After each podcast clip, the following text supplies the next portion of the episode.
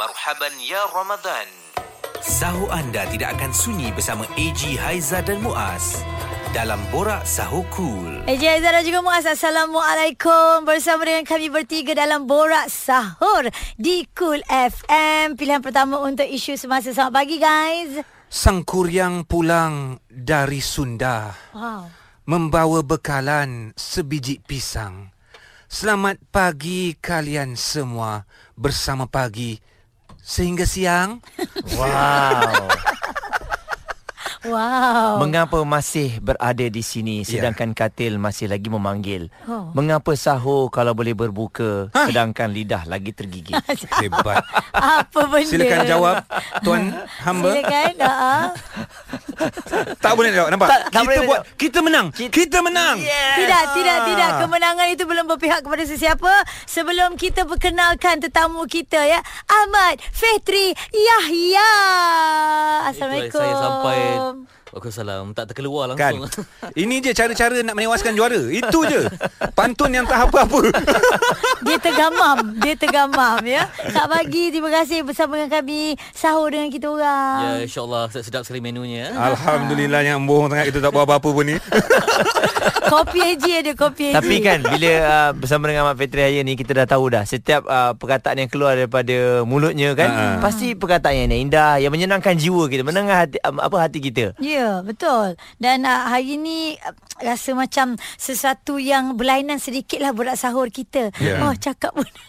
Penuh dengan bahasa Okey Saya takut. mengenali Ahmad Fitri Raya dah lama dah Ha, kan ha. So uh, dari tahun ke tahun Nampak gaya penggunaan bahasanya semakin hebat Mat boleh kongsikan tak Dari segi latihannya bagaimana Untuk kita kekal konsistensi tu Dalam penggunaan bahasa kita Mak dia panggil Mat je lah. Maksudnya dia rapat Ah, sangat dia lah tu. rapat sangat. Okey, itulah okey, dia. kita dengar Ha. Muaz. Jadi uh, okay uh, Bak kata Haji tadi Ya saya Wow. ha tu nampak. Okay, uh, Kita ni bila apa? macam Ah. Macam Haizah penyanyi kan Ah, yeah. Jadi bila kita ceritakan satu bidang tu Kena sampai larut Mhm. uh, Betul-betul menjiwai Dan kalau saya baca buku tu Tak boleh baca saja Ah. Kena sampai dapat dia punya listrik tu Wah Maksudnya dia punya elektrik tu kena sampai Zzz, dia. Ha, Ah. kadang-kadang kita dengar lagu pun kadang macam uh, tak rasa apa kan. Mm-hmm. Jadi mesti ada satu yang tak kena. Sama juga ketika kita berbahasa ni mm-hmm. kena sampai dia punya listrik tu. Wah. Itu dia. Sebab kadang kita baca buku biasa pun kan. Mm-hmm. Kalau saya jumpa perkataan yang indah-indah saya mesti terhenti. Oh, Okey dan adakah kaji ke ataupun uh, tengok balik perkataan tu? Uh, kadang kita dapat uh, satu line yang cantik, mm-hmm. kita boleh reka-reka. Ah. Contohnya macam uh, dalam hidup ini, jadilah seperti matahari mm. sentiasa bersinar dan tak pilih siapa pun untuk disinari. Datang matahari seperti fajar yang mengasyikkan, pulangnya sebagai senja yang begitu bermakna. Ya. Wow. Ia umpama awan yang biring-biring yang sedang melalui mengikuti mendungnya yang mengandungi ukiran-ukiran Okey. hujan. Sabar. Google nampak, Google Nampak? nampak. Itulah ada bezanya orang yang membaca dan juga orang yang baca satu perkataan apa tu dia tidur. Susunan ayat dia nampak now bezanya eh. Ya, Oh, tapi dahsyat. hebat lah eh. Kejap lagi kita nak tanya jugalah dengan uh, Fitri Haya ya, berkenaan dengan jiwa dia tu sebenarnya. Macam mana dia boleh jatuh cinta? Jatuh cinta yang bukan biasa-biasa, jatuh cinta yang mendalam dengan bahasa. Tips untuk terus bertenaga sepanjang hari di bulan Ramadan bersama AG Haiza dan Muaz Borak Sahur Cool. Terima kasih untuk anda yang bersahur bersama dengan uh, kami AG Haiza dan juga Muaz berada di tetuang udara waktu ini ya. Kenapa kami bercakap sebegini? uh, sebab tu aura dia tu bila kita berjumpa dengan Automatik dia lah, automatik. dia macam tu lah. Kita bersama dengan Ahmad Fitri Raya. Sekali lagi terima kasih uh, Ahmad Fitri. Sama. Sebab bersama dengan kami- awal pagi ni Waktu-waktu uh, macam ni memang waktu-waktu bersahur lah. Kita akan bercerita tentang kepribadian uh, Ahmad Fitri ketika bulan Ramadan Menjelang Hari Raya nanti. Tapi itu kejap lagi lah. Sebab apa yang saya kenal Fitri Dia sebenarnya pernah ditemu duga oleh Ali Iskandar tau. Ah, saya tengok video tu viral di Ah, Twitter. Sekarang dah jadi kawan dah Dah jadi Ah. rakan seperjuangan. Sejarah tu bila tu Mat? Okey, uh, tahun akhir universiti ada pertandingan buat lirik lagu patriotik. Mm. Jadi dia akan disiarkan di TV3. Jadi pun masuklah uh, saya hantar masa tu kan tak ada lepas tu zaman-zaman phone yang cabuk je kan. tak canggih. Jadi terpaksa kita hantar email lah, post surat semuanya. Tak samp- uh, tak sangka uh, saya dipanggil ke TV3 masa tu dan uh, tak sangka pula masa tu baru tahu menang masa semalam tu. Ha. Oh, Tu hebat dia. eh. Tu tadi Aiza dia tanya tentang uh, kecintaan itu yang jatuh ca- jatuh cintanya Fitri kepada bahasa-bahasa yang indah tu. Backgroundnya bagaimana? Belajarnya uh, ambil okay. jurusan apa? Hmm. Okey, uh, kalau ikutkan saya masa form 4 semua tu uh, aliran sains. Hmm. Tapi jiwa saya memang ke arah bahasa. Sastra lah. Uh, sastra memang hmm. minat bahasa Tengok dengar-dengar lirik lagu pun uh, Kita dah rasa jatuh cinta hmm. Jadi kita kena banyak uh, buat buku scrap uh, Tulis lagu-lagu yang bermakna Rajin. Wah. Wah. Ah, Rajin. Kan uh, zaman budak kan kita rajin uh, baca kamus semua. Kamus dia Baca baca. kamus. Kami Orang baca komik. kamus. eh beza tau. Aiza baca Doraemon komik tu. Kom, tak baca kamus dan eh, kamus tu selalu kita baca kita nak tahu maksud Mm-mm. baru kita buka tapi dia study kamus tu sebab kalau dalam penulisan lirik saya rasa mm-hmm. benda ni pun sangat penting kan Uh, penting macam uh, kita ada banyak bahasa yang mungkin sama kan. Mm-hmm. Ada orang panggil lelaki, ada orang panggil jantan. Mm-hmm. Jadi ada bezanya kan. Mm-hmm. Uh, di situ saya dapat banyak baca uh, bahasa yang cantik. Contohnya macam kita sebut uh, arunika. Mm-mm. apa maksud dia Maksudnya fajar yang indah. Arunika. Arunika. Ah. Arunika. Jadi uh, bermaksud banyak bahasa kalau kita gali ni dia banyak uh, kaitan dengan bahasa Sanskrit. Alright. Sama juga dengan uh, ketika saya buat jejak rasul, Hmm. mm-hmm. uh, banyak juga pengaruh daripada Sanskrit yang ada dalam uh, budaya kita. Hmm. Wow, okey. Jadi bila sebut mengenai jejak rasul ni, kejap lagi kita akan kongsikan, difahamkan kali ini berbeza sedikit. Ya. Kerana ianya digambar kerana ianya telah pun dilakukan. Kenapa? Kenapa? Kenapa? Kejap, kejap, kejap, kejap. cari cari ayat, cari ayat yang sesuai. Ah kita live ni. Ah cari cari cari. Kerana penggambaran ini telah pun dibuat di Malaysia. Itu je. Ah. Jadi kita tak nak guna perkataan Inggeris. Kalau boleh hari ni kita Yes. nak zero English. jangan langsung ya Ah. ha, jadi Kosong English, kosong ah, English. sebentar sebentar lagi Zero. sebentar lagi copong udara ini kita akan serahkan Wah. pada copong udara eh tak ni copong ni copong Macam sedap bunyi kan Tapi tak tahu betul ke tidak Dah kampung copong tu dengar marah lah je. mic ya ha, ha. Nak tahu aktiviti dan pengalaman artis kesayangan anda di bulan Ramadan? Album pertama logo design oleh Arwah Azari sendiri. Raihan tu pattern tu dia media create lah. Alip Raihan 96 Kau kat mana? Tadika surau ni. Semuanya ada dalam Borak Sahur Cool. Cool FM. Borak sahur bersama dengan kami di Cool FM Pilihan pertama untuk isu semasa Ahmad Fetri Yahya Ada menemani kami awal pagi begini Sambil-sambil kita borak Sambil-sambil kita bersahur eh. Mm-hmm. Ahmad Fetri uh, sebut pasal sahur lah Memang uh, ambil makanan di waktu sahur tu Makanan berat ke Ataupun jamah-jamah sahaja Yang penting ada manisan, Ya kemudian uh, sangkir kopi, tapi kena buang segala mimpi. Wow. Kalau saya pastinya ada secangkir madu merah. Wah. Nyanyi sikit Ayah. Hebatnya. Ha? Saya sekarang ni tak berapa banyak nak cakap sebab ter- ter- teruja. Ah, Ah, tak- Habis aku cakap kau tak teruja. Tapi kita rasa hebat. Bagaimana dengan pasangan dia? Oh. Maksudnya bila Kalau bermadah sebegitu Susah ni sebab kita nak buat kopi ni. Kalau madah tu Lama sangat saya nak buat ni. Yang Yang sekarang ni you nak ke tak nak? Buatlah. Kopi tu buat juga Ha. bang. Tapi ending dia tu memang Betul-betul menusuk jiwa Jadi lah adakah kan? di rumah Fitri menggunakan um, Bahasa yang lebih kurang sama Untuk anak-anak dan juga isteri. Oh tak adalah macam tu. Kat rumah saya lebih banyak diam. Yelah tu. Ya atau tersenyum. Ha. uh, Ada bahasa-bahasa lain lah Oh okay. Ah, Tidaklah okey. sebegitu Eh, tak Maksudnya okay. Tapi kena ajar anak juga Sebab dia pun nampak macam ada minat je Ah. ha.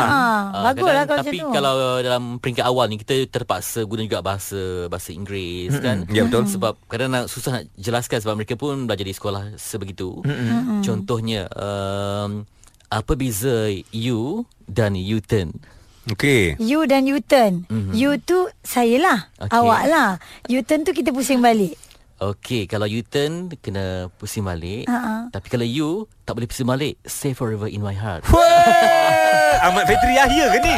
Alamak. Saya rasa Saya rasa saya nak sahur dulu boleh Wah Okey, mengenali Ahmad Fetri Raya, okay. seorang uh, pengacara TV Malaysia hari ini, kemudian uh, program Jejak Rasul. Ya. Okey, tadi kita dah sentuh sedikit tentang Jejak Rasul. Istimewanya penggambarannya dilakukan di dalam negara kita Malaysia di kerana pandemik COVID-19 ini. Tapi apa yang boleh ditemui di dalam negara kita Malaysia daripada tajuk yang besar Jejak Rasul itu sendiri, Mat? Okay, ta- tema kali ini uh, ulama pewaris rasul. Orang kata, "Eh, ada rasul ke kat Malaysia ni?" Kami mencari ulama bukan rasul. Baik. Dan saya pun tak jangka bila mana bila sampai ke Kedah contohnya, Mhm. rupa-rupanya ramai sekali pejuang yang hebat.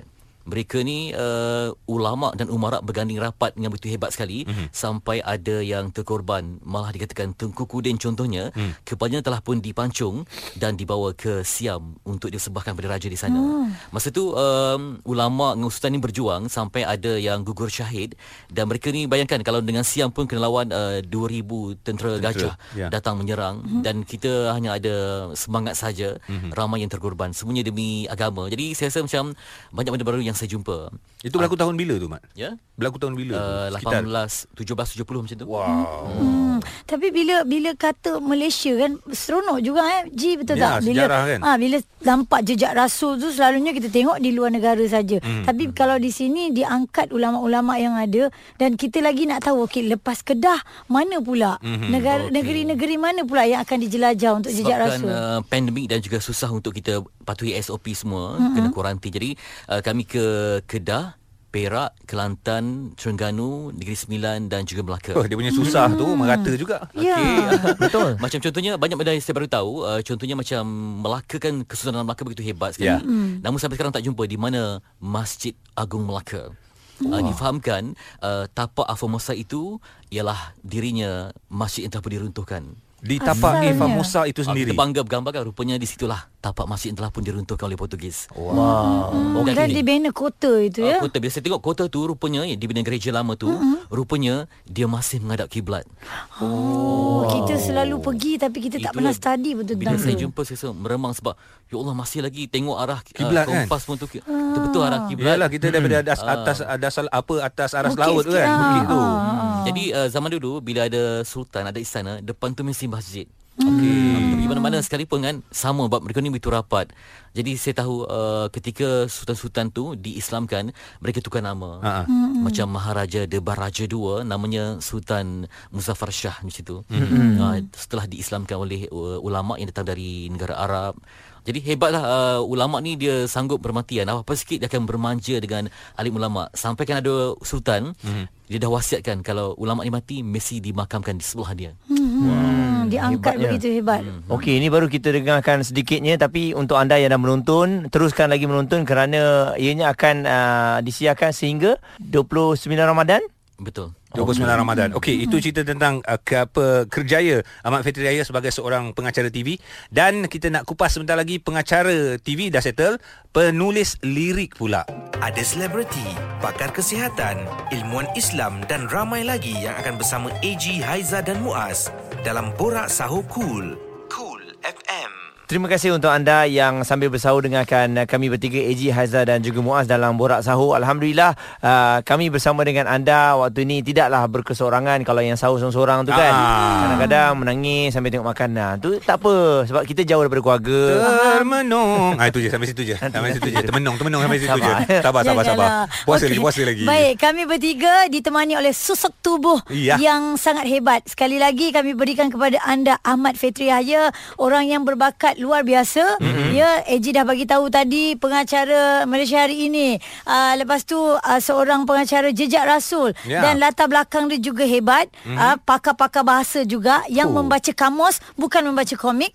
dan sekarang ni AG kata kita nak terus ke bahagian penulisan lirik pula. Ya, susunan penulisan lirik Ahmad Fitri Raya memang uh, semua sedia maklum kita dapat baca yang mana kadang-kadang kita faham, kadang-kadang kita tak faham maksud yang dituliskan sangat-sangat tersirat dalam pengertian penulisan lirik. Tapi kalau kita tengok uh, lagu seperti uh, lagu Sampai Bila yang dinyanyikan oleh Misha Umar, that one memang straightforward. Mm-hmm. Tapi mudah difahami dan menyentuh kalbu. Tapi saya nak sentuh sekarang ni, Ahmad Fitri Raya ada tak uh, teringin untuk berkolaborasi ataupun sendiri menghasilkan satu lirik untuk lagu-lagu irama hip hop Ya. Itu dia sebab uh, saya pernah cuba dulu lagunya Enjun Hmm, Aziza Aziz Idris. Hmm. uh, memang ada elemen sebegitu.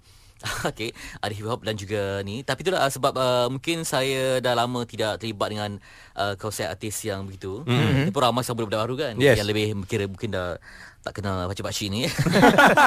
Kenal. Uh, tapi itulah saya kalau memang kalau hip hop ni saya memang suka kalau dia dipasangkan dengan irama Melayu. Mm-hmm. Uh, dia dia punya walaupun kontrol tapi bila jadi tu memang cantik kan. Tapi kalau hip hop saja Mat, aku cabang kau buat hip hop je. Tak ada etnik kreatif, tak ada irama Melayu. Melayu. Ya.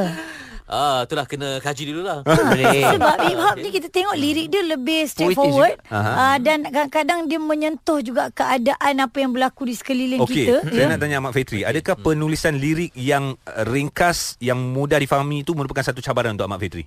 Ah betul sebab kita dah biasa kona sana kona sini. Mm-hmm. Dan dapat yang straightforward tu uh, tetapi kemas uh, agak mencabar. Mm-hmm. Uh, sebab kita tak nampak kepuasan sebab kita dah macam oh macam uh, begitu saja. Sedangkan mm-hmm. kita dah biasa Betul. uh, mi- latih orang supaya berfikir. Mm-hmm. Uh, cabaran jugalah. Kan? Okey, sebab kalau kita tengok sekarang macam Kimi Kimo, Lukasita, hmm. uh, penulisan lirik Tujuan dia dah nampak dia. ke puit puitis dia tu ada kat situ. Jadi hmm. itu antara kita tengok um, apa new generation ni dah dah ada kat situ. Jadi Fetri sendiri uh, bila tengok uh, ataupun dengar lagu Tujuh Nasihat tu, cara pembawaan mereka lirik-lirik mereka, adakah nampak um, mereka ni juga orang-orang yang macam Fitri Ataupun juga? awak rasa mereka merosakkan penggunaan bahasa? Eh tidak uh, memang saya pun uh, memuji karya itu Ya. dan malah saya sendiri menghantar mesej kepada penyanyinya kata ini lagu yang saya ramalkan jadi top 3 lah masa tu. Alright. City, ya. sebab Hmm. uh, mungkin kalah pun mungkin disebabkan aspek teknikal yang lain tapi dari segi penyampaiannya mm-hmm. nampaknya uh, mereka ni mengkaji dulu. Faham. Uh, mengkaji sebelum tulis. Jadi Hmm. saya rasa ramai yang berbakat kalau diberi peluang insyaallah Ya. kita mungkin dapat buat hari nanti uh, festival lagu hanya untuk kategori itu saja. Wow. Yes. Setuju Jadi juga, kepada uh, penulis-penulis lirik muda yang ingin mendalami uh, lagi tentang penulisan yang lebih berilmu dan juga lebih mendalam, bahan bacaan yang bagaimana per, me, perlu diorang baca ni?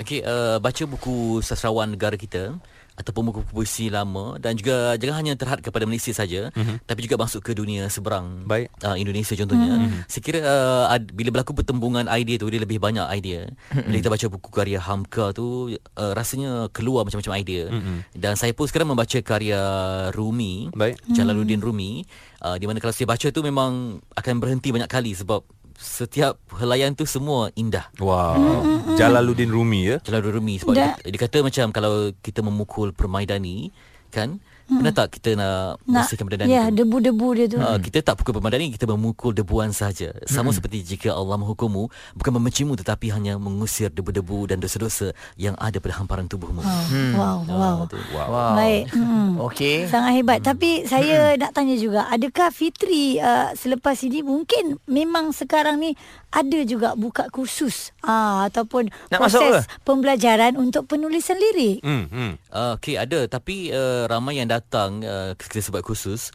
uh, mereka tak bersedia langsung. Hmm. Uh, kalau boleh ada juga uh, mungkin kosakata yang boleh dibanggakan. Hmm. Uh, jadi uh, kadang ada beza bila masa kita nak gunakan menanti dan bila masa nak gunakan menunggu. Uh, setiap Wow. walaupun hanya simple kan tapi dia punya ada impak dia. Saya rasa kalau Fitri jadi uh, cikgu bahasa Melayu, uh, seorang cikgu yang disayangi lah. Perfect. Antara dua lah disayangi dan juga mungkin akan uh, anak murid marah lah ya. Sebab? Sebab yelah dia punya puitis anak murid sekarang nak cepat-cepat. Dia eh, nak yang ringkas-ringkas. Ada Fetri garang orangnya. Ya ke? Oh, nampak macam tu eh. Macam tak Yelah, percaya je. Eh, AG lebih kenal dia. Kau Yalah, ni. dia. Alah panggil Ahmad saya boleh Ah. panggil Ahmad Ahmad. Cik Mat, Cik Amat. Kembali selepas ini. Hujung minggu dan waktu sahur anda ditemani AG, Haiza dan Muaz. Eksklusif di Cool FM. AG Haizal Muaz dan juga Ahmad Fetri Yahya dalam Borak Sahur di Kul FM bersama dengan kami ya untuk anda dah hampir satu jam kita ke udara. Ya. Uh, ber, pelbagailah juga kita tahu tentang Ahmad Fetri ni walaupun sebenarnya ada benda lagi kita boleh kuik daripada dia ni. Hmm, banyak Ah. ilmu yang dapat kita pelajari daripada sahabat kita yang bernama Ahmad Fetri Yahya. Sebentar lagi di penghujung uh, Borak Sahur ni kita nak bagi ruang kepada Ahmad Fetri Yahya mungkin memberikan satu uh, serangkap dua pantun ataupun mendeklamasikan sajak atau puisi. Ya. Itu uh, kita akan dengarkan sebentar lagi. Tapi sekarang nak tahu persiapan juga alamat dalam keadaan kita pandemik raya yang kedua ataupun tahun yang kedua ni nampak gaya kemeriahan luaran itu tak dapat kita rasai. Tapi hakikatnya kemeriahan dalaman tu yang boleh Ahmad Fetri Yahya kongsikan. Itu dia uh, sebab saya ada empat orang syah mata. Hmm. Jadi itulah uh, antara fokus saya. Macam saya sendiri uh, tak kisah sangat tapi lebih pada anak untuk mereka fahami.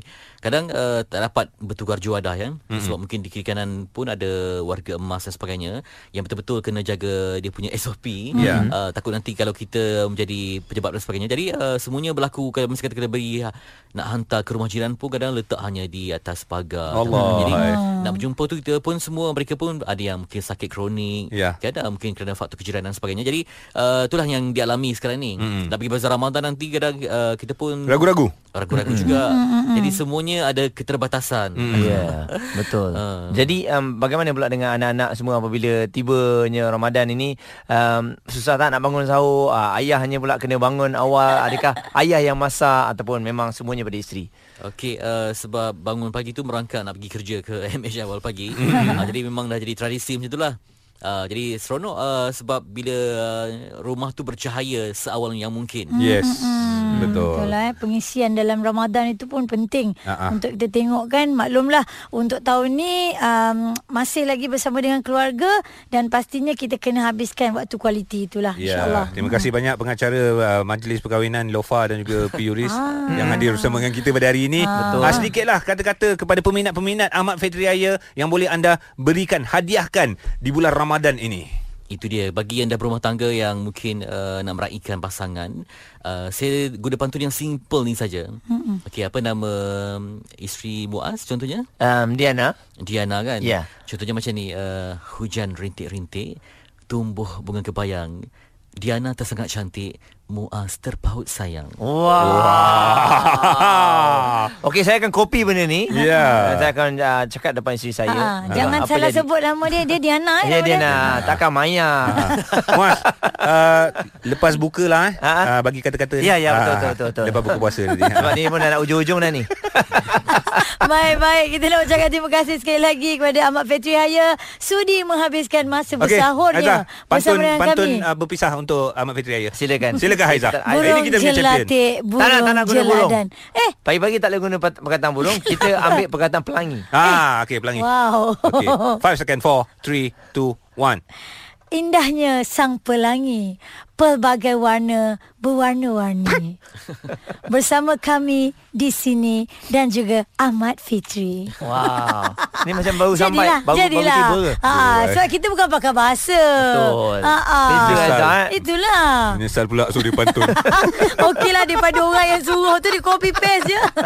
Terima kasih sekali lagi Ahmad Fitri Sama, okey. bersama dengan kita ya jadi, uh, jadi untuk anda jangan lupa Ya. boleh saksikan MSI dan juga Jejak Rasul Yes, ya. ah. Setiap hari pukul berapa? Ya Rasul uh, setiap Jumaat satu Ahad 6.30 petang. Jumaat, Sabtu, Ahad 6.30 petang di TV3 ya. TV3. Alright, nantikan. Borak sahur terus bersama dengan kami. Marhaban ya Ramadan. Sahur anda tidak akan sunyi bersama AG Haiza dan Muaz dalam Borak Sahur Cool.